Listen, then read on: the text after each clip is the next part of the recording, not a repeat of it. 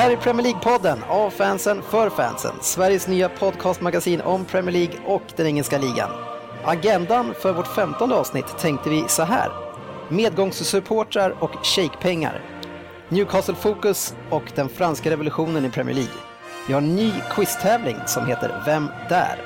Våra fokusmatcher den här helgen har varit Tottenham mot Newcastle, Manchester United mot Arsenal såklart och sedan kort om vi hinner Sunderland mot Manchester City. Vi kommer att gå igenom topptipset som vi spelade förra veckan och sedan har ju Fantasy Premier League-tävlingen avgjorts. Och innan vi går härifrån så ska vi nämna det spännande landslagsuppehållet som är på gång.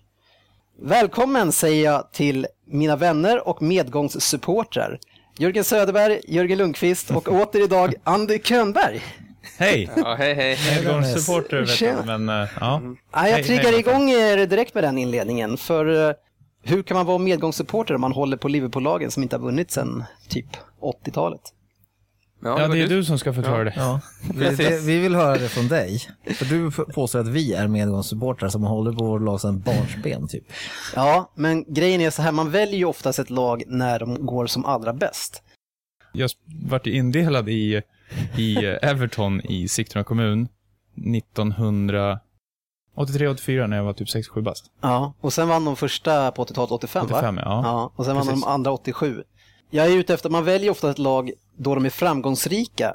Och sen kan det ju gå till på olika sätt. Sen att du råkade bli indelad i ett lag. Men, och du hade blivit indelad i, i Leyton Orient som ligger i League One. Så tror inte jag att du hade behållit dem sen. Men Everton vann ju ligan där året och sen efter två år igen. Så, Ja men alltså nu, nu vart ju jag indelad i Everton. Jag vart inte indelad i... Folk vart indelade i Watford. Jag vet inte om de håller på Watford fortfarande. Det tror jag inte de gör eftersom de inte var framgångsrika. Jag har väldigt många vänner som var, vart indelade i Liverpool. De håller på dem fortfarande. Ja, men de var ju också framgångsrika. Jag hade ju ändå, jag hade ju min favoritspelare Anders Limpar som gick dit. Och det var ju därför jag började hålla på dem egentligen. Ja. Eh, Så där, eh, de vann i och för sig FA-cupen då, men det hade ju inte jag någon så jättestor aning om faktiskt. Ändå. Nej. För så insatt var man ju inte i. Du är, du är mer ursäktad än vad Andy är, tycker Tack, jag i det här tack. fallet. Alltså hur i helvete kan... Jag, vart ju, jag, fick, jag gick till skolan och sen så sa någon, du bor där, du ska spela i Everton. Ja, men sen om du hade kanske spelat i United nästa år, när du ändå var så här ung, då kanske du hade valt United, men nu var ju United så framgångsrika då. Men man kan inte säga om. Alltså jag har varit indelad i Everton, spelade där i kanske tre eller fyra år tills man varit elva manna. Då hette vi inte Everton längre. och under den tiden så vann Everton kanske en eller två titlar. Jag kan eventuellt inte ha sett en enda match under de här åren dessutom. ja, Alltså jag är ju till och med så stor Dennis, jag kan inte dig medgångssupport. Det hade jag kanske gjort nu om du hade börjat hålla på City när de vann ligan nu eller någonting. Men du har ju ändå en, vad är det, tio år tillbaka sen du Ja, håller på jag vet inte typ. om vi har något papper på det. Men Nej, fortfarande självmålet Richard men Dunn eh, Andy, första gången jag hörde det nämnas kanske var ungefär för typ sex Ah, år okej. sedan. När det börjar ta sig. Ja, precis. Andy när, eh, när får man bli supporter till ett lag då? När man vill. Absolut. Men jag tycker att det, det, det är ganska hetsk stämning till någon Ja, men det är som... jättetråkigt att du helt plötsligt har valt den klubben som enkom av sina pengar tar sig upp till en första, andra, tredje plats i ligan. Om en ryss skulle köpa Everton nästa år och pumpa in pengar, får ingen fler bli fan i Everton då? Jo, men då, då alltså om, om Everton börjar bli etta, tvåa, trea och någon börjar hålla på dem på grund av det, då är de Men jag medgångssupportrar. tror, då blir det säkert delat, uppdelat. Fansen blir säkert uppdelade i två olika skikt då. De som riktiga Everton-fansen Ja. och de som är de falska. Som har kommit in. Ja, det kan jag köpa. Vad är en riktig supporter då? Ja, de som eh, verkligen har följt med i sen det har gått dåligt liksom. Men, men om jag blir indelad i fotbollsskolan eh, nästa år när de har blivit köpt av en ryss, är jag fortfarande då ingen riktig supporter? Nej, men det beror ju på hur gammal Jo, man är. alltså, ja, precis. Ja, men jag är tror åldern är spelar du väl fem, också en sex år roll. gammal. Men är du 36 år gammal, då väljer de samma år som en ryss köper dem och de vinner ligan och då börjar jag hålla på dem. Då, då Jag, inte jag har alltid hållit på Everton.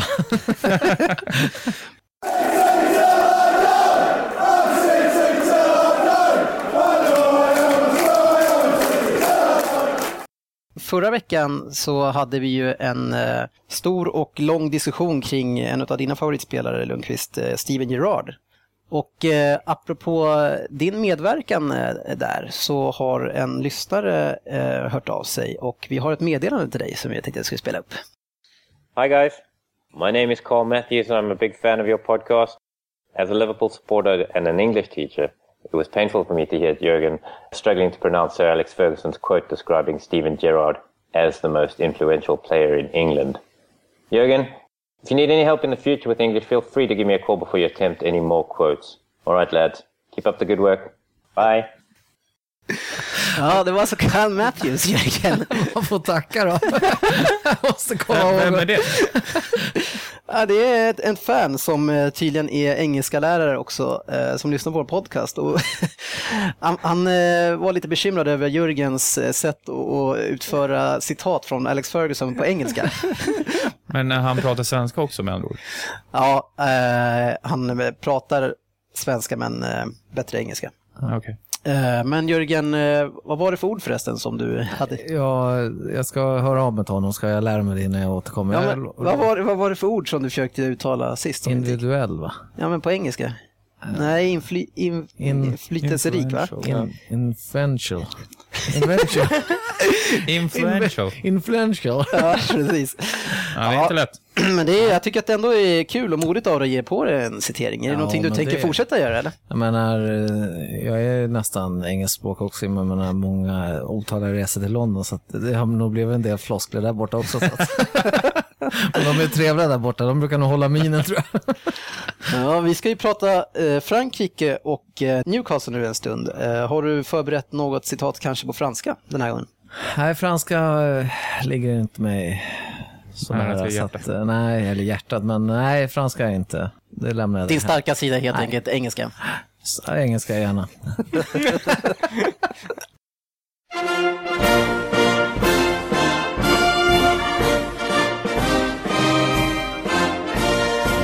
är dags för en djupdykning i de franska skatorna och eh, vi börjar väl direkt med min egen programpunkt som Andy kan på så här. Dennis historia. Franska spelare började invadera England redan under 90-talet och sedan Premier League grundades 1992 så har 170 stycken fransmän spelat ligan. 15 procent av dessa har spelat Arsenal. Den första fransmannen som spelade i England var Georges Crozier som spelade med Fulham 1904 och då i södra ligan. Nu 2013 slog Newcastle rekordet med antalet fransoser i laget och har hela 13 stycken. Det innebär att Newcastle har 40 procent av alla fransmän som nu spelar i ligan. Det tidigare rekordet stod såklart Arsenal för, som 2004 hade 12 stycken. Och Fulham, som fortfarande gillar fransmän sedan 1904, kommer på en bra tredjeplats och hade 9 stycken 2002, däribland eh, Louis Saha. Några av de fr- främsta franska importerna vi minns är Cantona, Henri, Vieira, Ginola, Pires, Makiliel, Anelka, Desailly, Petit, Evra, Gallas, Viltor och Nasri. Så varför så många fransmän i ligan? Är de så mycket bättre än alla andra? Jag skulle säga att svaret är lite tudelat. Vid tiden för den största invasionen så stod fransk fotboll på topp och vann det mesta inom landslagsfotbollen. Men som med allt annat så är nog det största skälet pengar. Franska ligan har, har producerat många talanger, men ligan i sig har historiskt sett inte haft någon större dragningskraft. Kanske på Marseilles glada dagar då man hade stjärnor som Papin, Dragan Stojkovic, Tigana, Adebi Pelé, Chris Waddle och Erik Cantona. Men sedan dess har alla lovande fransmän, precis som i Sverige och Holland, velat lämna ligan för tidigt för att utvecklas. Och det har gjort och gör till viss del att prislappen på de franska spelarna är mycket lägre än det från toppspelarna. Att köpa lovande stjärnor från Premier League eller Championship är otroligt mycket dyrare och därför blir The French Connection ofta mer attraktiv. Och glada ska vi vara för det, tycker jag, eftersom eh, väldigt få engelsmän bidrar ju till den flärd som ligan har numera. I Arsenals lag 2003-2004 så var det egentligen bara Sol Campbell som spelade regelbundet och som var engelsman. Vad säger ni här i gruppen? Spelar landtillhörigheten eh, någon roll när man ska bygga ett lag? Ander? Ja, jag skulle väl kanske tycka att det, är bra att ha ett par stycken i varje fall som är från samma land. Mer än att om alla 11 eller 20 i truppen är från olika länder. Så tror jag att det underlättar om eh, i varje fall 4, 5, 6 stycken är från samma land. Tror jag eh, är fördel. Men det är inte viktigt att, att de är från landet så- där laget eh, kommer ifrån. Nej, alltså just eh, eftersom vi pratar om engelska ligan nu så är det ju bra om det är mycket engelsmän för att jag tror att det hjälper både ligan och i vissa fall laget. Men eh, om man vill titta på fotbollen så är det ofta som du säger att eh, utländska spelare kan vara lite mer tekniska, kanske bjuda på det där lilla extra som man vill se som supporter.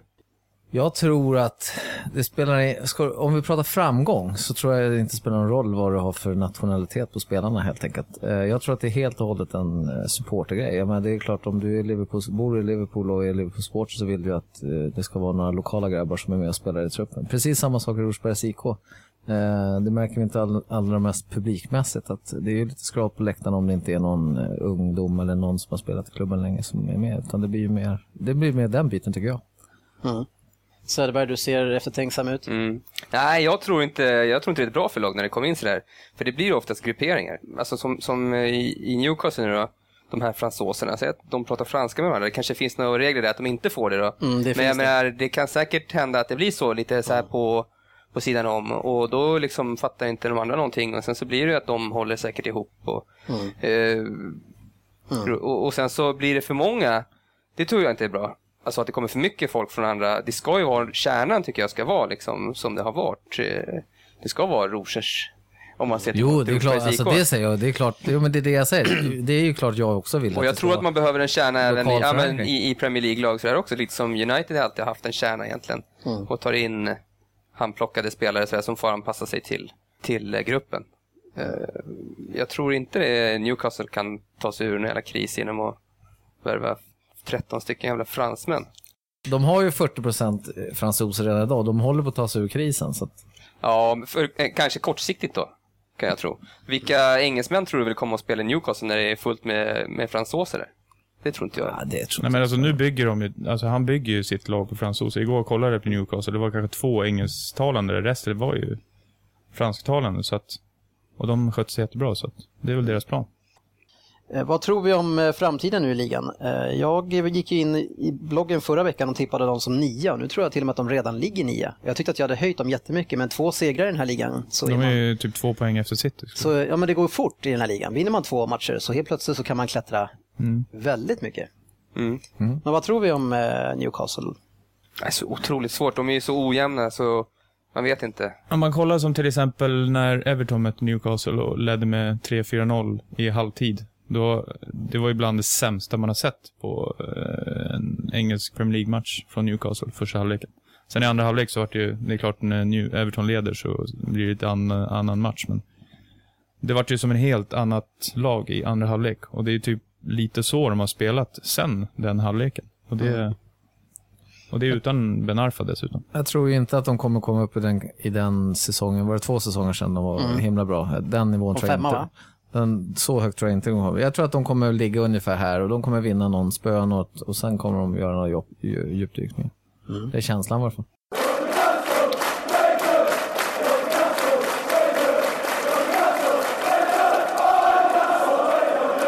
Vi ska prata mer om Newcastle eh, lite senare. Men först så har vi premiär för en ny quiztävling som heter Vem där? Och tanken med den här tävlingen är att alla ni tre ska kunna tävla mot varandra.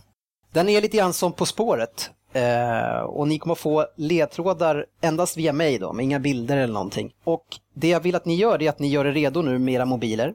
Och så tar ni fram någon app, till exempel anteckningar eller sådär.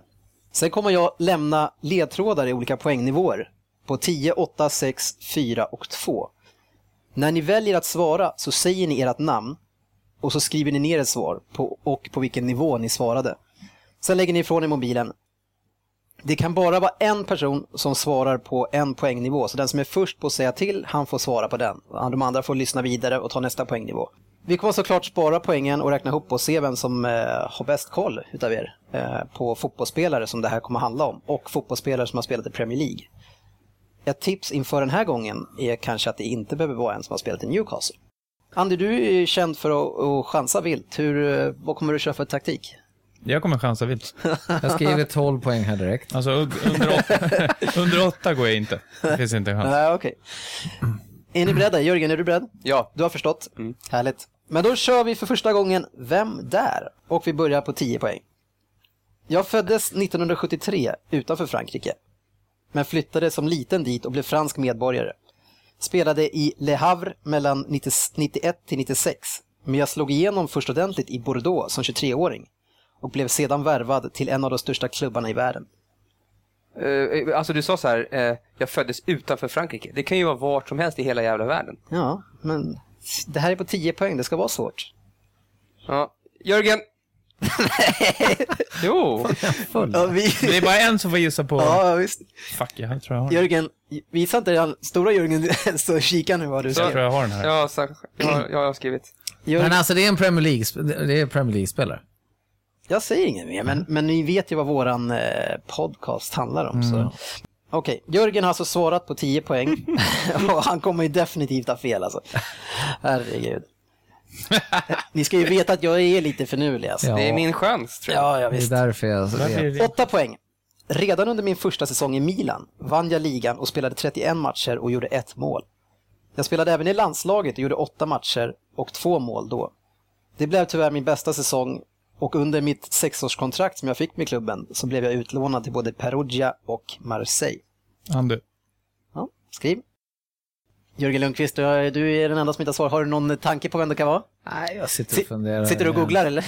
Ja, precis. Nej, jag sitter och funderar bara. Jag är ganska vilsen. Ja, då tar vi sex poäng. Jörgen Söderberg, är du nöjd med ditt eh, svar? Jag är väldigt nöjd med mitt svar. Nej, han satt den. tror jag tror det i alla fall. Okej, vi går kör på sex poäng.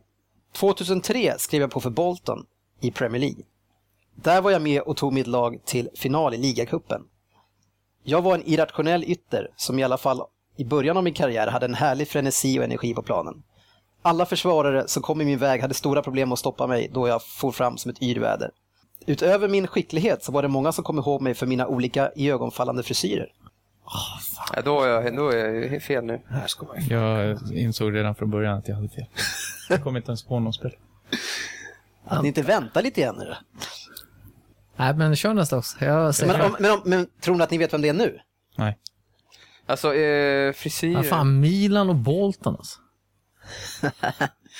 Fan, ni borde, ni, ni som ja, känner mig borde ha vet. väntat lite mer. Jag vet. Okej, då tar vi fyra poäng. Karriären var slut sedan länge, men 2007 och 2008 återkom jag till Milan på ett ettårskontrakt. Utan att få spela några matcher. Men jag fick i alla fall ett jobb sen som scout för Milan i Afrika. Då inte längre med vidfärgad kalufs, utan med dreads alla Jesper Blomqvist. Jörgen såg ju vad som Ja, men jag hade kunnat den ändå. Nu, eller nu gissar jag. Nu gissar du Eh, ja, på fyra jag poäng. tror att jag kan. Okej, två poäng. Som svensk minns ni såklart när jag skrev på för Djurgården 2005. Jag var ett stort namn till Sveriges lågt rankade liga. Jag vann SM-guld och Svenska cupen med blåränderna, men tyvärr ofta sittandes vid sidan om planen. Vem är jag?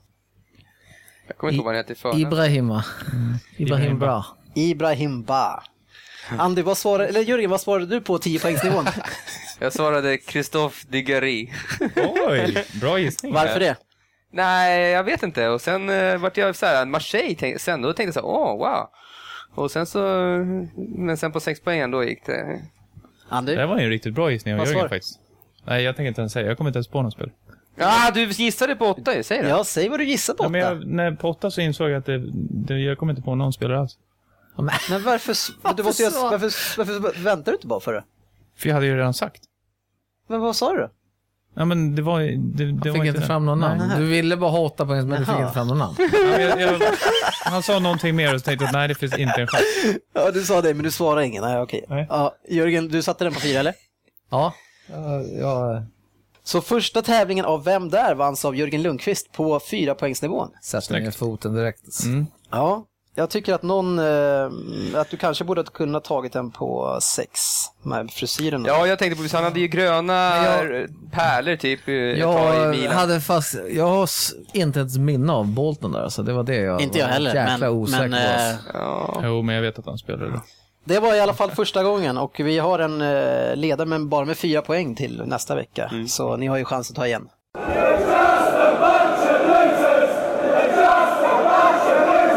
Vi hoppar in i våra fokusmatcher från den här helgen och jag tänker att vi ska börja med Newcastle då som vi har haft på tapeten en hel del. Och eh, Tottenham mot Newcastle var det ju som spelade i helgen. Mm. Newcastle eh, som jag tycker är ett helt annat lag efter Kabay. Säger man Kaba- Caballé? Har du hittat ett eget uttal, Andu? Nej, jag vet inte, jag får för mig att man säger så på franska. Men... Jag tänker säga Kabaj. Eh, Men sen han kom tillbaka så är det ett helt annat lag. Ja. Kom han tillbaks eller? Från frysboxen ja. Nej, han Nej. fick ju inte, han fick inte spela för att han inte skrev på något kontrakt. Han, ville, han, skulle, han var ju på väg att gå till Ja. eh, har något han annat lag. Och sen var det inte så. Så har vi frysboxen. Ja, Jaha, det menar så. Eh. Den frysboxen. Så vem är denna Kabaj, som jag kallar honom, och denna fransman? Han är 27 år gammal och eh, han har ett förflutet i Lille i franska ligan. Han har varit frekvent in i ungdomslandslagen och även på senare tid i A-landslaget. Som vi ser han är han en- box-to-box-spelare med fin touch och framförallt en bra spelförståelse. Säkert mycket därför som Newcastle ser så mycket bättre ut nu. Och han kan spela egentligen på hela det inre mittfältet. 2010-2011 vann han ligan och cupdubben i Frankrike med Lille. Och efter det så blev han ju då såld till Newcastle. I Newcastle har han på 68 matcher under två år gjort 12 mål och 13 assist i ligan. Han har ett mycket fint tidslag utanför straffområdet och kan hota väldigt långt ifrån mål. Arsenal var ju väldigt sugna på att plocka in honom nu i somras. Och även Johan vill ju flytta. Sedan sägs det att han fick sitta med under ett förhandlingssamtal mellan klubbarna. Och då skulle Arsenal försöka pressa ner priset eh, på honom. Och, och då sa till Newcastles delegater att de såg han bara som en backup-spelare för startelvan och ville inte betala så mycket. Något som då gjorde att eh, Kabay kom på andra tankar. Och det kan man ju kanske förstå när man är 27 år. Mm. Märkligt att han får vara med under det samtalet. Alltså jag tycker att det är ganska genialt alltså.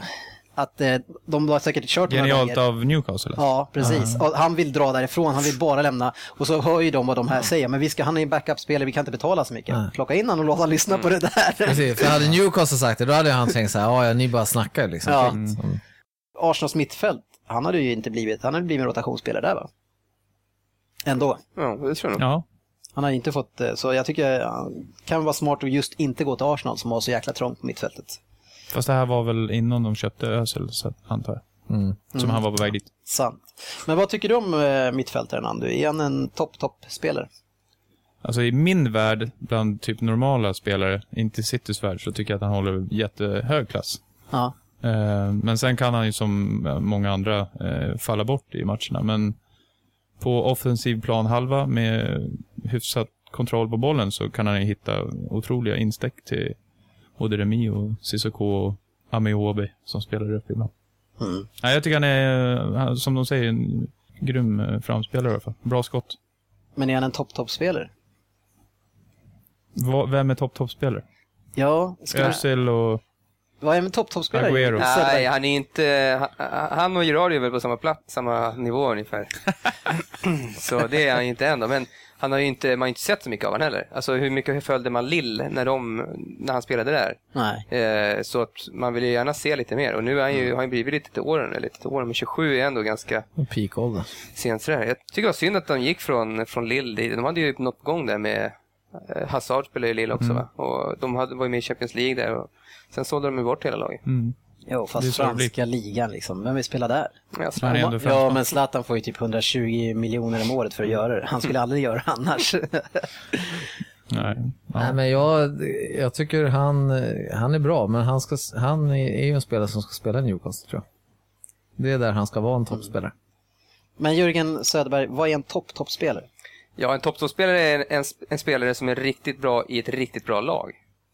Alltså, du kan ju inte vara en topptoppspelare och spela i Newcastle. Du, han skulle kunna göra 40 mål som mittfältare i år. Han skulle ändå inte vara en topptoppspelare tycker jag. Eh, du, ska, du ska vara i ett bra lag. Mhm. Så som Newcastle helt plötsligt köper Messi och inte någon annan spelare, då är inte han en topp-topp-spelare längre. Ja, Wow, det var kanske. världens mest konstiga Ja, det där, logik. den där får du nästan jo, ta jo. rewind på. Jo, men, ja, men Om kanske, han alltså- ensam gör att Newcastle vinner Ja, Premier League, 40. då är han väl ändå en topp topp Jo, jo, det kan han vara. Ja. Men jag, nu Varför kanske jag, köper storlagen sådana där spelare annars då? ja, men nu, nu kanske jag menar att man kanske inte kan bli en topptoppspelare i ett lag som Newcastle. Det är först om han skulle gå nu till eh, Real Madrid och vara, och vara jättebra i Real Madrid, då blir han en topptoppspelare. Mm. Kan man vara en topp toppspelare i Tottenham? Nej, kolla på Bale. Han var hur bra som helst. Nu är han ju en... Nej, men han var ju en topp toppspelare. Ja. Nu är han i Real Madrid och inte ja, det. nej, nej, du måste kunna prestera i ett riktigt bra lag. Men Ja, är det inte bättre, att- om du presterar i ett sämre lag, är väl det, då är det är då du är bra. Nej, för vissa spelare kan bara vara bra i dåliga lag. Eh, Sen klarar de inte Men av jag, det. jag, jag tror mer lite grann på vad Jörgen är ute efter, hans logik. I, i, I fallet med Bale så är det ju så att när han spelar i Tottenham då går ju allt via honom. Så även om han har ju chansen att göra ganska mycket både bra och lite sämre grejer under en hel match. Medan när han spelar i topplag som Real, då har han ju mer jämnt bollinnehav som med Ronaldo och de andra. Liksom. Då krävs ju mycket mer och högre lägstanivå med ett sånt lag. Så på det sättet så kan det ju vara, alltså spelar man i ett lite sämre lag, man är stjärnan, och då går ju allt via dig. Jo, tiden. men alltså då, allt går ju via dig för att de andra spelarna är sämre. Ja, Och Så du, då, är, och du, är, det bra. som gör att laget blir bra. absolut. Så är det Så ju det är också. snarare Men jag håller, inte med, jag håller inte med om att, att, man, att man måste kunna vara topp, toppspelare och spela ett dåligt lag. Om man lyfter hela laget och Ja, kanske vinner ligan. För Det är- Bale gjorde väl ändå 30, 20 plus mål i Tottenham som inte... Nej, den där får du nästan fila på lite. Jörgen. Nej, ja. Jag håller med om mycket grejer, men den där var lite... Men Anders, skulle du säga att Gerard är en topp, toppspelare? Tre assist i helgen. Eh, Gerard har alltid varit en av världens bästa fotbollsspelare för mig. Mm. Och då spelar han ändå i Liverpool. Stort.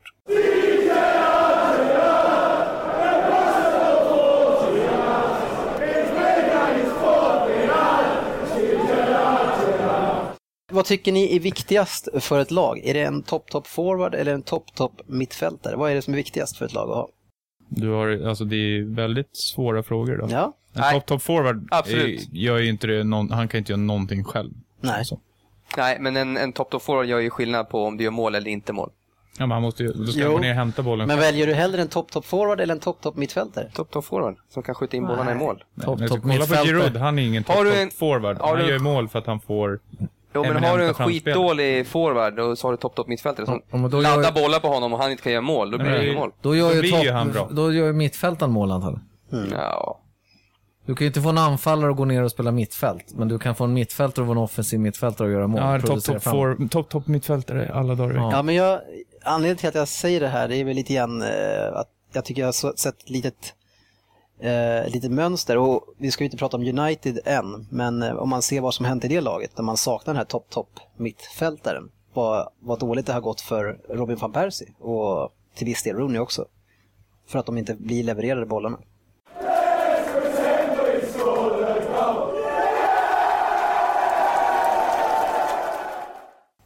Tillbaka till matchen, Tottenham mot eh, Newcastle. Och där Tottenham startar ju faktiskt ganska offensiv uppställning den här gången med både Eriksen och Sigurdsson. Eriksen som inte har fått spela så mycket eh, på senaste tiden. Och eh, jag tycker, vi har ju hyllat honom en del, men han är, blir väldigt osynlig i matcherna. Och lite osäker på om det beror på honom eller om det beror på laget faktiskt. Eh, I den matchen som jag såg senast, när han fick spela igen, så eh, tycker jag att det beror på de andra spelarna. För att, alltså varje gång han rör bollen så känns det som att det händer någonting i varje fall. Han försöker göra någonting. Hans första touch är fortfarande, tillsammans med eventuellt Townsends, är ju helt suverän. Alltså det går ju framåt hela tiden, men han har ju inte något alternativ. Nej. Jag tycker att det är för många i Tottenham som inte kommer upp i, i bra klass. Tottenham är ett jättemysterium med det laget och, och det de har Ja, inhandlat och Jag tycker Sigurdsson, är, alltså han har ju han gjort lite mål och haft lite flyt i början. Men jag tycker inte han är en jättebra fotbollsspelare. kan man sätta ett frågetecken för coachen i Tottenham Backers? Hans Ja, taktiska fan. Alltså, kunskaper. de ska väl ändå kunna spela fotboll, Ska inte Tottenham kunna spela med två forward? ja, jag, jag tycker fortfarande att Eriksen är jättebra. Han kan få gå till Everton istället. En, Ja. en klassisk köp in till Tottenham så säljer vi till Everton. Matchen slutar ju 1-0 till, eh, till Newcastle och eh, målet eh, är ju lite grann på grund av den spelaren som jag har hyllat en hel del, eh, Paulinho som gör ett grovt misstag på mitten och tappar bollen till Gofran, som man säkert säger. som lägger fram en fantastisk passning till Remi som gör sitt sjunde mål på säsongen när han rundar, väldigt enkelt ser det ut som, han rundar Friedel och eh, är stekhet helt plötsligt. Mm, han får de rätta bollarna. Det där var en jättefin passning. Ja, Och han fick väl eh, en passning precis innan, tror jag också, av Sissoko eller någon. Där han, eh, han sprang väldigt mycket offside, Remi igår. okej. För han är ju ganska snabb, så att hade han haft lite kyla så hade han haft bra många fler målchanser tror jag. Tänkte på Loris där, han är han hjärnskakning eller? Ja, det var ju en monster... Ja, att de inte böt ut honom förra matchen, Ja, det är det var skämt. faktiskt Ja, märkligt. men han, de, de försökte, men typ han, Ja, han slog sig för vägrade sitt ju. liv. Och Han vägrade ju. Ja. Ja. Men du såg ju deras dok doktorlag då, han sa ju han ska inte spela mer. Nej. Han ska inte spela mer, men Villas Boas, han bara, oh men kör, fan Det kör. var ju som- Vilken det- pucko Det var alltså. samma igår, jävla huvudskador då också igår också på Mm. United-match. Mm.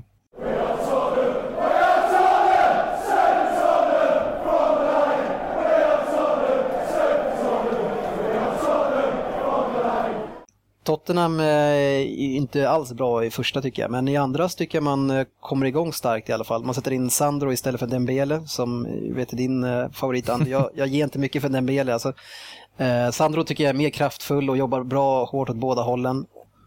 Tycker att de kommer igång bättre och eh, de får ju sjukt mycket lägen. Men, den, det jävla, men den helt jävla, sjuk, alltså, det- där jävla målet. Världens fulaste frisyr på målis någonsin. Han ser ut som att han är född Vad heter han? 1900... Krul.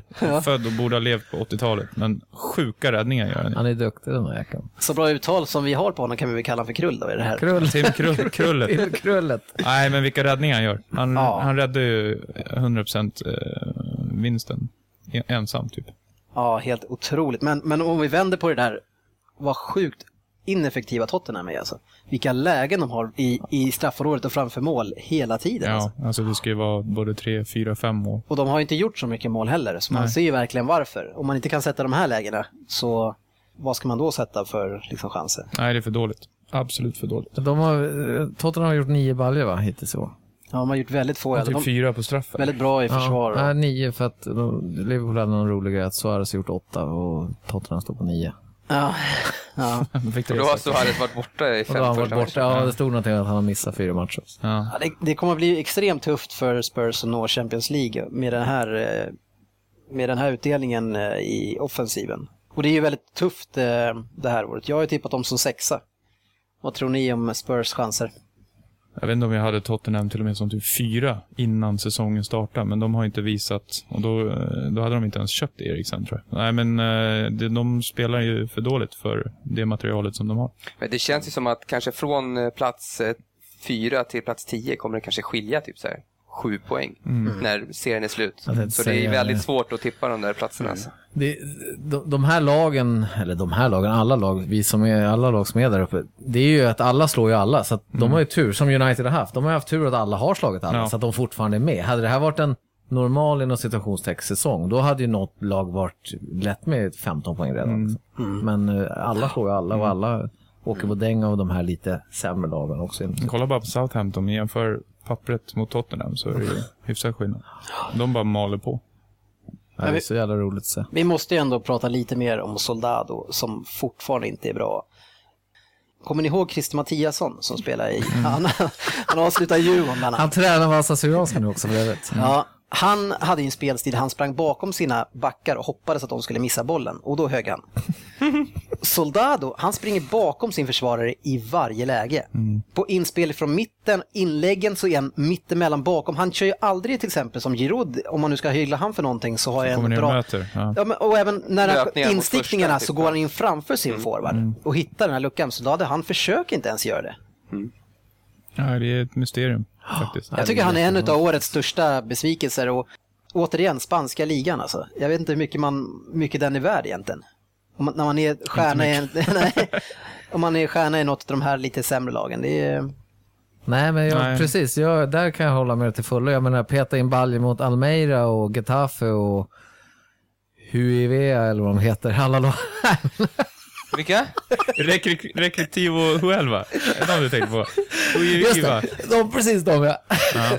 eh, nej men alltså det är ju fan, då är det klart att de kan peta in några baljor där. Men sen när det kommer till kritan i den här ligan så det händer ju inte så jävla mycket alltså. Nej, men jag, jag har ju sagt det flera gånger, matcherna mot PSG där i Champions League förra, då var han ju magiskt bra och gjorde typ allt för sitt lag. Och man ser ju precis absolut ingenting av det nu. Det är som att han inte vill. Det men det är väldigt konstigt, ett, sånt stort aktat namn som har levererat säsong efter säsong efter säsong i spanska ligan och bara öser in mål. Och med landslag gör det väl ganska bra där också. Mm. Och nu har han gjort ett spelmål på typ 9-10 omgångar. I det här väldigt bra laget. Mm, Ja, det är ju lite så är det ju att Tottenham inte riktigt har kommit upp i den standard som de borde. Men alltså, det är inte någon ursäkt för att han bara springer och gömmer sig. Så Nej, gör- där, men där är ju lite, då, det, då får vi ge oss på att jogga lite då. För då menar jag att den där ska ju Solad, Solades kunna ta hand om själv. som, Som, Som- top, Som top forward. forward. Mm. topp, topp. Då ska han kunna vända det här nu. Själv. Var han en top, top forward när han kom? Nej, Nej, han är en toppforward. För inte ens i landslaget. Ja, nej, han är topp, inte topp, topp. Men, men eh, okej, om vi tittar på det som är positivt för Tottenham så är ju Townsend fortfarande helt enormt bra tycker jag. mest dribblingar i ligan och skapar väldigt mycket. Det är bara synd att han inte har någon vass lekkompis i, i boxen, tycker jag. Mm. jag tycker Första han, halvlek så vart han ganska bra bortplockad av på vänsterkanten där. Men i andra halvlek så kom han igång. ja, jag tycker, jag, tycker, jag har sagt det många gånger, jag tycker Tottenhams högerkant är den som fungerar bäst i laget. De har ju knappt en vänsterkant, så känns det som. Nej, Sigurdsson använder de väl lite, han får väl eh, lite fri roll där och gå in lite grann i mitten. Så de tappar väl den. Ja, I och för sig, Fertongen kommer ju upp ganska mycket på vänstern. Det sköna med Townsend också, det är ju att han fortfarande typ inte vet att han är en sån här bra spelare som han är. Så han Så han kämpar sig. ju Ja, hela precis. Mm. tiden och kör, och gnäller inte, han bara kör liksom. Det, jag älskar sådana spelare. Ja, det är så jävla skönt att se dem. Men han kanske aldrig kommer att bli en, sån här... Han är väl härdad liksom, han har varit utlånad i massa, massa år. Han kommer aldrig bli någon stjärna hur bra han än är. Liksom, han är på jorden med båda fötterna. Ja, faktiskt. Ja. En jätte... Det är ju en otroligt bra spelare. Vi eh, avslutar vår eh, Newcastle-fokusering för det här avsnittet nu och går in till den matchen som var den stora på pappret inför den här helgen såklart. Och det är Manchester United mot Arsenal. Arsenal startar med både Flamini och Arteta. Berodde det på respekt eller var det för att Rosicki gick sönder innan? Rosiski var, eh, hade maginfluensa. Ja. Och Mertesacker. Tror ni att eh, Rosicki hade spelat ändå eller var det så att man eh, klev in med... Ja, det tror jag. Ja, Rosicki var ju Han bra åkte hem. Han åkte hem. i matchen innan. Han sprang ju som en Ja, fan vad han mot Ja, eh, m- Dortmund där på Champions League. Så han skulle ju väl såklart ha spelat. Men när man ser matchen då, så Arsenal börjar ju pressa högt som det är standard för alla lag att göra på Old Trafford nu. Första tre, fyra minuterna trycka ner. Och kollar man på pappret på Uniteds backlinje så blir man ju inte rädd när man ser vilka som spelar där. Evans och... Fast Evans kom igång lite ändå. Jag tyckte Ja, han var fast ganska han är- sävlig i början. Nej, jag tycker inte Ja, han men är bra. Evans, Evans, Vidic, Evrava och Smalling. Det är väl Smalling då? Evans, så, men jag Evans gillar tycker jag... Smalling alltså. Ja, jag gillar inte Smalling. Nej, Smalling tycker jag lämnar mycket därhän. Men eh, jag gillar Evans, gillar jag måste jag säga. Han, han tycker jag om. Men förutom de här eh, tre, fyra minuterna så tycker jag det känns som att eh, Arsenal har en extremt feg inställning till den här matchen och de kommer dit med en stor jävla trunk med gammal respekt från förr i tiden och spelar inte alls som Arsenal har gjort tidigare den här säsongen. Ja, jag hade en Men- diskussion med en, en, eh, en innebandyspelare som jag inte ska nämna vid namn om att det skulle vara en skräll att United vann den här Mm. matchen. Och då baserar jag det på årets säsong. För man kan inte gå och basera det på förra årets säsong. Mm. Nej, precis. United har ju spelat jättedåligt hemma. Mm. Och Arsenal kommer precis från att ha slagit Dortmund i, i Dortmund. Mm. Och spelar jättebra fotboll. Så det är klart att det inte är en skräll om det hade varit förra året, för United vann ju ligan. Men vad man har sett i år, så innan matchen, så skulle det vara en liten skräll att United vann. Men Självklart är det kanske säkert som Dennis säger att det är en stor portion gammalt skit som ligger i påsen. om- Men sen, jag tycker, jag vill fortfarande också hävda att vi får fan inte glömma bort att United gjorde en bra match igår. Alltså en av sina bättre matcher jag tror de gjorde Arsenal lite dåliga också måste jag säga. Nej, jag, tror, jag tror att det är tvärtom. Jag tror att Arsenal gör United bra. För att när man tittar på matchen så är det fortfarande bara Rooney som är rörlig och till viss del Kagawa.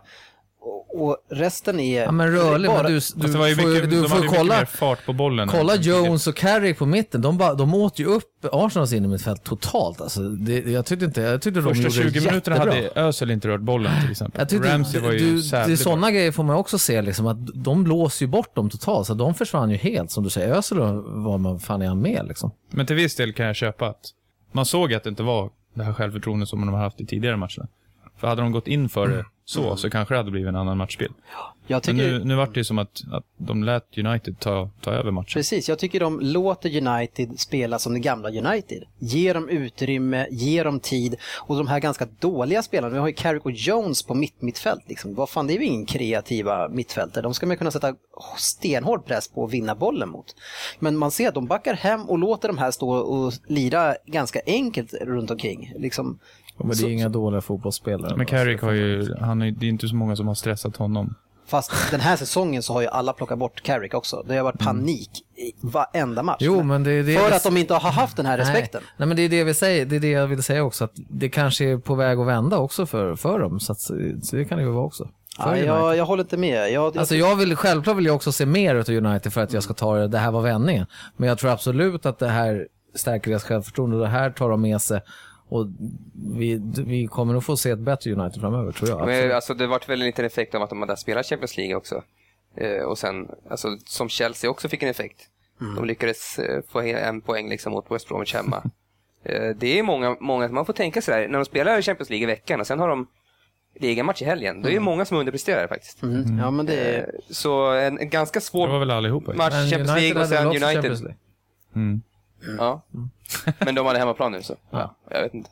Men kan, kan det vara så att United har liksom rangsakat sig själva och insett att fan, vi är inte, alltså, vi är inte superbra just nu. Nu måste vi ta på oss blåställen och bara kriga och så ställer vi in de här brunkarna på mitten och så försöker vi liksom brotta ner Arsenal bara. Vi kan inte slå dem för de är, de är bättre än oss just nu. Kan det vara så att stora United, men kan, kan det vara så att de verkligen har den insikten eller? Jo, men alltså att Phil Jones spelade där var nog delvis ett drag från Moyes att ha någon som Ja, han lite är- mer smäller på. Han är en rollspelare som bara ska förstöra Ja, med inställning. Så absolut, den köper jag. Men inte, inte att Carrick spelade. Han spelar ju alltid det. Ja, absolut. Men just Phil Jones, det var väl ett bra drag, för han åt ju upp dem där i mitten. Första halvlek i alla fall. Mm, det är han bra på. Men sen han gjorde ju han, han gjorde ju väl en av sina bättre matcher, Kava... Kagawa? Kagawa.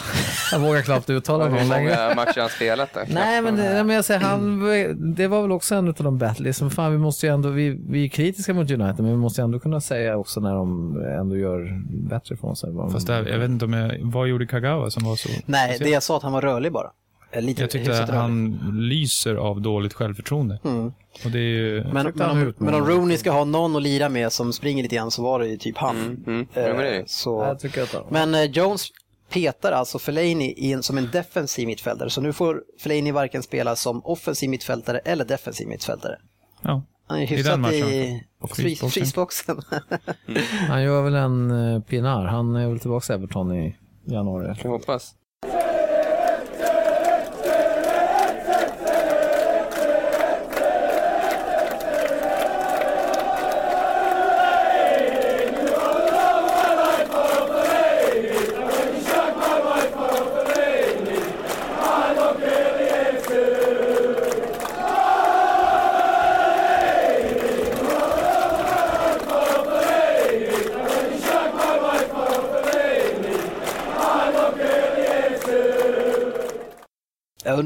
Det känns för Fellaini och, och samtidigt som Everton är på samma poäng som United och inte får spela.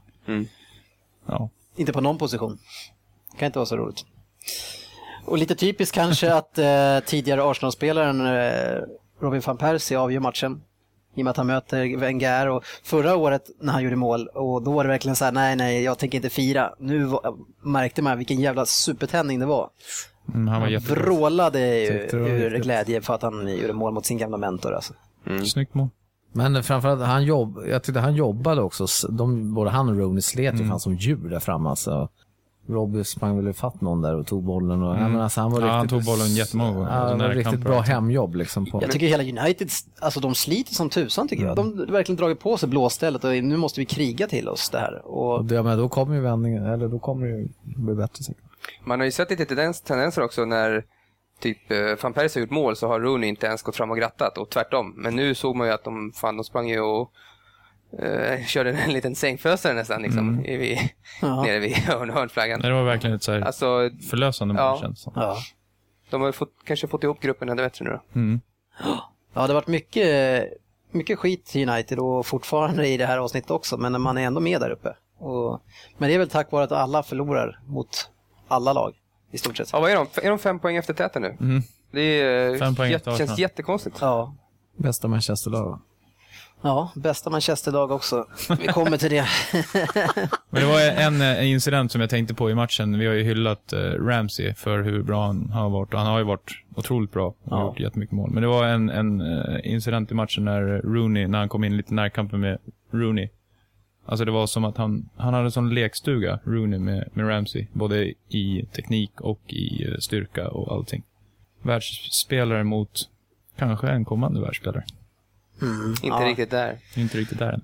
Ja, jag vet inte. Ramsey har varit helt otroligt alltså. Att han levererar match efter match efter match. Som han spelar nu och under inledande, då har han ju varit klasser bättre än, än Rooney. Så Ja, det är ett par matcher som han har fallit bort. än. Han har gått ut för hårt. Det är som fem milen. Du kan ju inte spurta första milen. Du måste ju, man måste springa bra alla, eller alla milar. ja, jämnt tempo. Ja, jag tycker, United kommer. Ja, kanske. Vi får se, jag är inte övertygad än. Men eh, seriöst, vad, vad gör Bentner på planen? I det här toppmötet. Alltså, Det är en fars seriöst. Alltså, ju- alltså Arsenals varumärkesansvarig, de säger ni kan inte stoppa ner han på plan, Ni- han förstör vårt varumärke. Alltså, det är ju så, det är ett skämt mot Arsenal som klubb att Bentner springer runt där.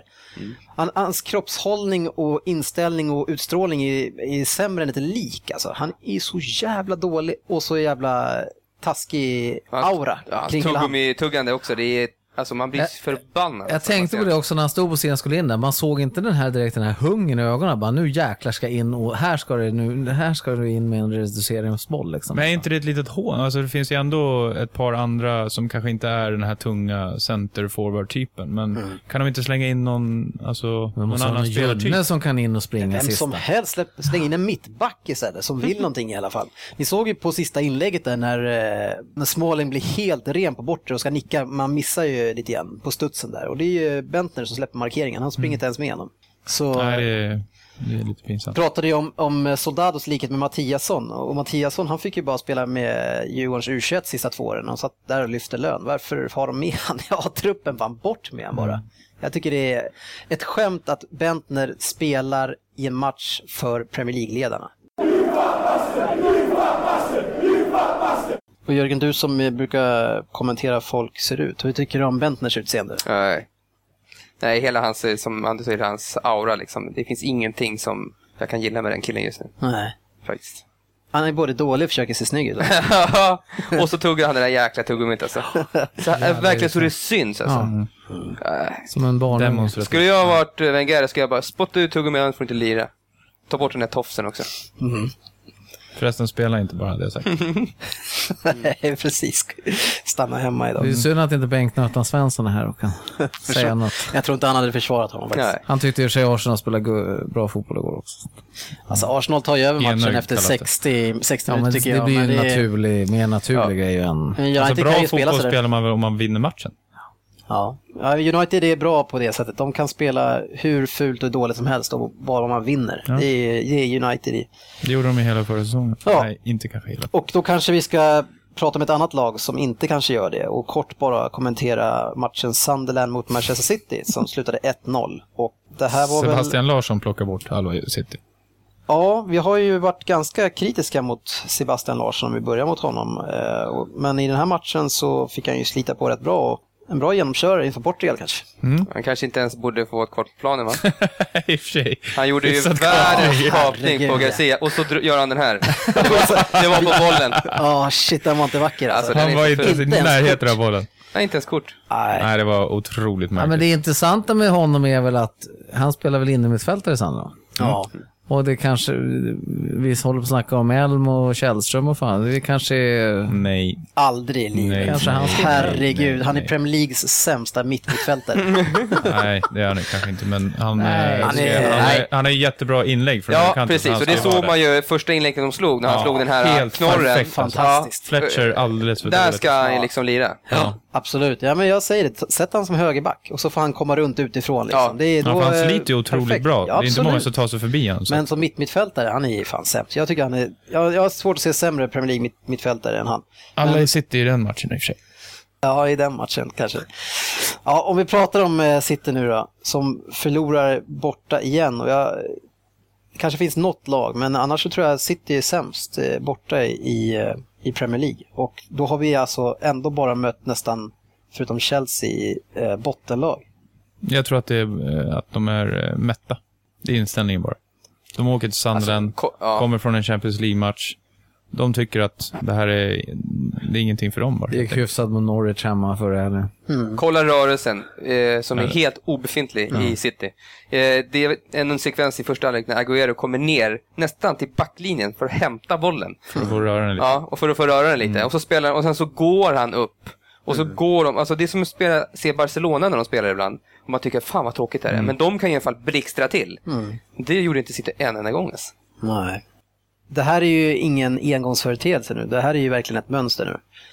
Som har varit i, i de flesta bortamatcherna. Är det, är det ett ledarskapsproblem eller ett spelarproblem att eh, man inte har rätt inställning i matchen? Jag, nej, jag tycker att det är lite ledarskap för att du ska sätta in de spelarna, på, till exempel om det går på dåligt på bortaplan, du, måste du måste ha spelare som, som löper för varandra. Mm. En, du måste ta en löpning för att en annan ska få och det är ingen som tar en löpning för varandra.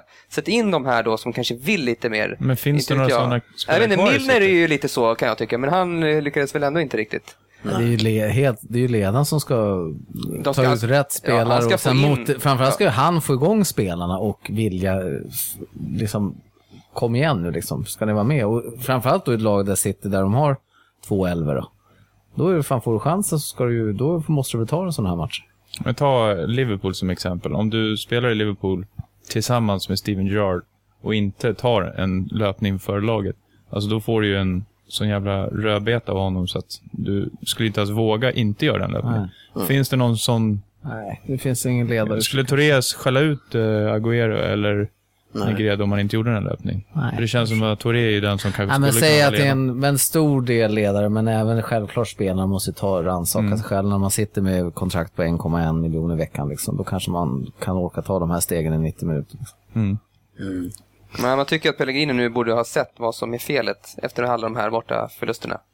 Eh, vad som är felet. Så nästa match så kanske de... Nej, fast problemet är att han har, det, det här är inte, det här är liksom tredje gången nu.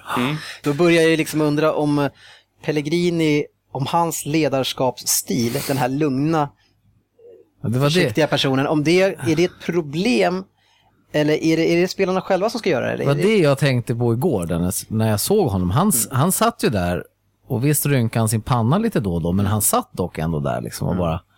Jag vet inte, jag tyckte också det var väl, men det är som du säger, jag är för dålig, men det är säkert hans ledarskap. Han är ju så då. Jag brukar coach. bli väldigt frustrerad om det laget jag håller på, om eh, coachen inte visar någon inställning Ja, själv. det jag måste alltså jag vill ju gärna se det här, Ja. ut och liksom skrika och göra något tidigt byte om det inte händer någonting. Alltså försöka vaska om Vissla på lite i grytan. honom. Men Pellegrini är ju väldigt lugn, men det är ju hans stil. Men han har ju lyckats förut. Men.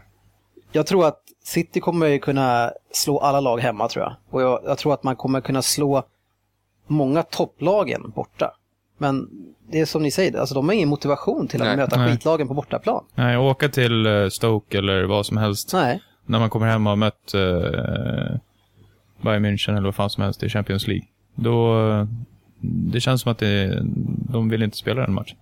För, för City har ju pratat, pratats mycket om, om det här pressspelet man ska ha. Man ska ha en ännu högre pressspel i försvaret mot vad man hade förra året. Pellegrini-stil, att vinna bollen snabbt med aggressivt pressspel. Var fan, vart var det någonstans i, i första halvlek? de Andra halvlek så, så är det ju spel mot ett mål. Men då har man ju redan satt sig i, i problemet. Och, och City är ju nära, extremt nära att göra ett mål. Men man ska ju inte vara nära på att göra ett mål mot Sunderland. Man ska vara nära att göra fyra om man är City och, och spelar mot Sunderland borta. Eh, jag, jag tycker Negredo är den enda som, alltså, som Mm, offensivt, han sliter. men han, han, var, han var väldigt ensam. Alltså. Och tyvärr, hade vi haft Silva i den här matchen, ja, då hade det löst sig ändå. För Silva, han kan ju stå upp eh, vilket försvar som helst ändå. Och, och med sin individuella rörelse så, så kan han nysta upp det här. Men nu när vi har det här laget och många trampar på bollen, vi har de här Garcia, de här som inte är lika bra, ja, då måste man ju kriga. Men det är ingen som vill kriga. Det är ingen som vill gå till jobbet eh, borta i Sunderland. Men det farliga med att värva sådana här spelare som City gör, det är att de har ju varit stjärnor i sina klubbar. Så de är inte vana att ta löpningar för andra spelare, för de är vana att andra gör det åt dem. Och sen ska de helt plötsligt göra det åt någon annan. Det tror inte jag är så jäkla lätt. Och få in det i huvudet på dem, att "Hörru, du ska ju löpa där så att Torre kan få den här ytan. Eh, Fan, det får han göra, så jag får den ytan. City får gå över till grannarna United och hämta deras arbetsoveraller och ta på sig dem nästa match. Ja, jag måste ju tyvärr hålla med.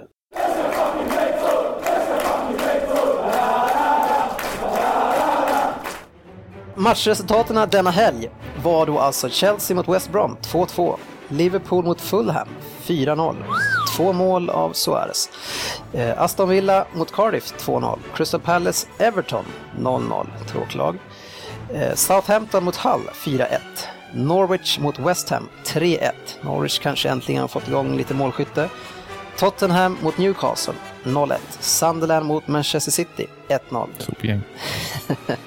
Swansea mot Stoke 3-3 och sedan Manchester United mot Arsenal 1-0. Och eh, Vi drar väl en topp 8 då, så jag får med mitt lag. Och det är Arsenal 1 på 25, Liverpool 2 på 23, Southampton 3 med 22, Chelsea 4 på 21, United 5 nu på 20, Everton 6 på 20, Spurs 7 på 20 och sen City 8 på 19. Det är sjukt jämnt alltså. Så det är Kul. Ja, riktigt roligt. Det blir ju inget tips den här veckan eftersom nu är det ju landslagsuppehåll igen. Men vi kan väl i alla fall redogöra för hur det gick för oss i senaste topptipset, Jörgen. Jo, det gick bra efter lite efterkorrigeringar. Ja, den här gången var det mitt fel. Jag har gett dig fel system faktiskt. Ja, det var lite för dyrt och jag hade ingen lust att lägga ut 250 kronor till. Men så vi gjorde lite korrigeringar och det gick ju bra. Ja. Vi hade nog inte satt den om vi inte hade gjort de här korrigeringarna. Nej, Så vi vann, eh, nej vi vann inte. Nej men vi fick alla rätt kan man säga. Ja, vi fick alla rätt så vi fick tillbaka 400 av 432 satsade. Ja, men ja, 486 kanske till och med. Det var vårt tredje bästa resultat. Vi gick back 80 tror jag. Topptipset, hade ni åtta rätt? Jag vann 486. 399 kronor var utdelningen. I alla fall eh, någonting att vara glada för att vi fick alla rätt en gång. Mm. Det kan vi ta Absolut. med oss. Näst sista punkten i våra program är att vår Fantasy Premier League-tävling har avgjorts. Det är ett par veckor sedan nu. Och Jörgen Söderberg, du hade ju laget ligans vinnare. Du kan ju få redogöra för hur det gick i den här tävlingen. Du vann ju av oss tre. Ja, hur vill du kommentera det? Hade Dennis mest pengar att köpa för då? Ja, precis. Nej, Han hade två miljarder. Vi. vi fick bara en miljon. Ja. Nej, men jag, för min egen del så stördes jag av otroliga skador i laget. Eh, Som gjorde att inte mina spelare kunde komma upp och prestera under de här sex omgångarna. Ja, okej. Men jag är övertygad om att om vi skulle köra hela året ut så tror jag nog att mitt lag skulle kämpa sig fatt och förbi. Jag är ganska övertygad om att det inte skulle göra det. Eh, Fast det var ju, grejen var ju att vi tog ju Ja. på just de här omgångarna. Så att ja, man tog ju ut laget efter det. precis. Jörgen, du åkte på stryk med typ så här 70 poäng. Ja, men det är en, om, en bra omgång. Nej, Där den andra personen inte får någon poäng. Ja, jag fick ju typ 11 poäng någon gång när någon annan fick så här 60. Så, ja. Ja, precis. Du, du var Ja. dålig bara. Ja, det var ett hårt race hela vägen in, in i slutet Andy och eh, du torskar ju med 14 poäng. 14 poäng och man skulle kunna säga att det kändes lite grann som du torskade På nästan... Soldado bara va? Ja, men lite också när Özil inte gjorde så bra borta, eller mot eh, Crystal Eller så Palace. kanske det snarare var att din spelare gjorde 14 mål för att något lag valde att släppa in sju i en jävla match. Han gjorde faktiskt bara Så 1 han fick plus typ 2 i 100 den. poäng en Ja, ja Det var snarare din Agüero gjorde att du vann bara istället. ja, eller så kan du inte bara erkänna, erkänna att jag var bäst. Ja, du var bäst. Jörgen? ja, du vann den här omgången. Och då var jag, Bättre än oss. ja, jag var bäst då. Nej, det var ju någon annan som vann. Jo, jo, men utav oss så, Ja, ja. så var jag bäst. Ja. Vi kan berätta att vann den här lilla turneringen som vi hade, det gjorde Team Malmgren som eh, styrs av Thomas Malmgren. Och han eh, gjorde en bra sista omgång, fick 81 poäng och slutade på 384 poäng. Så grattis till dig Thomas!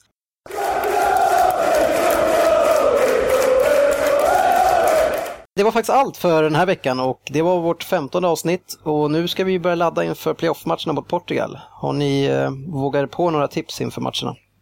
Nej, jag kommer bara bli sur och arg.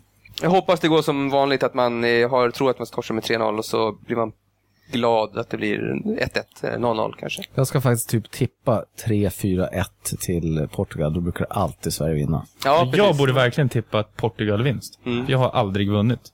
Typ Ronaldo ska göra fyra liksom. Ja. Men de störs väl av lite skador vad jag förstår, men de har ändå tagit ut dem i truppen där i Portugal. Båda ytterbackarna, men eh, ja. Mm. Nej, fan viktigt att nolla dem hemma och sen göra dem Men balja. det positivt är att alla engelsmän, eller eh, svenskar i engelska ligan startade och gjorde ganska bra insatser i år. Den här omgången. Alla tre. Ja, Olsson, Elmander. Och Larsson. Olsson. Oh, Två gånger Ja, Olsson. det var ju faktiskt jättemånga.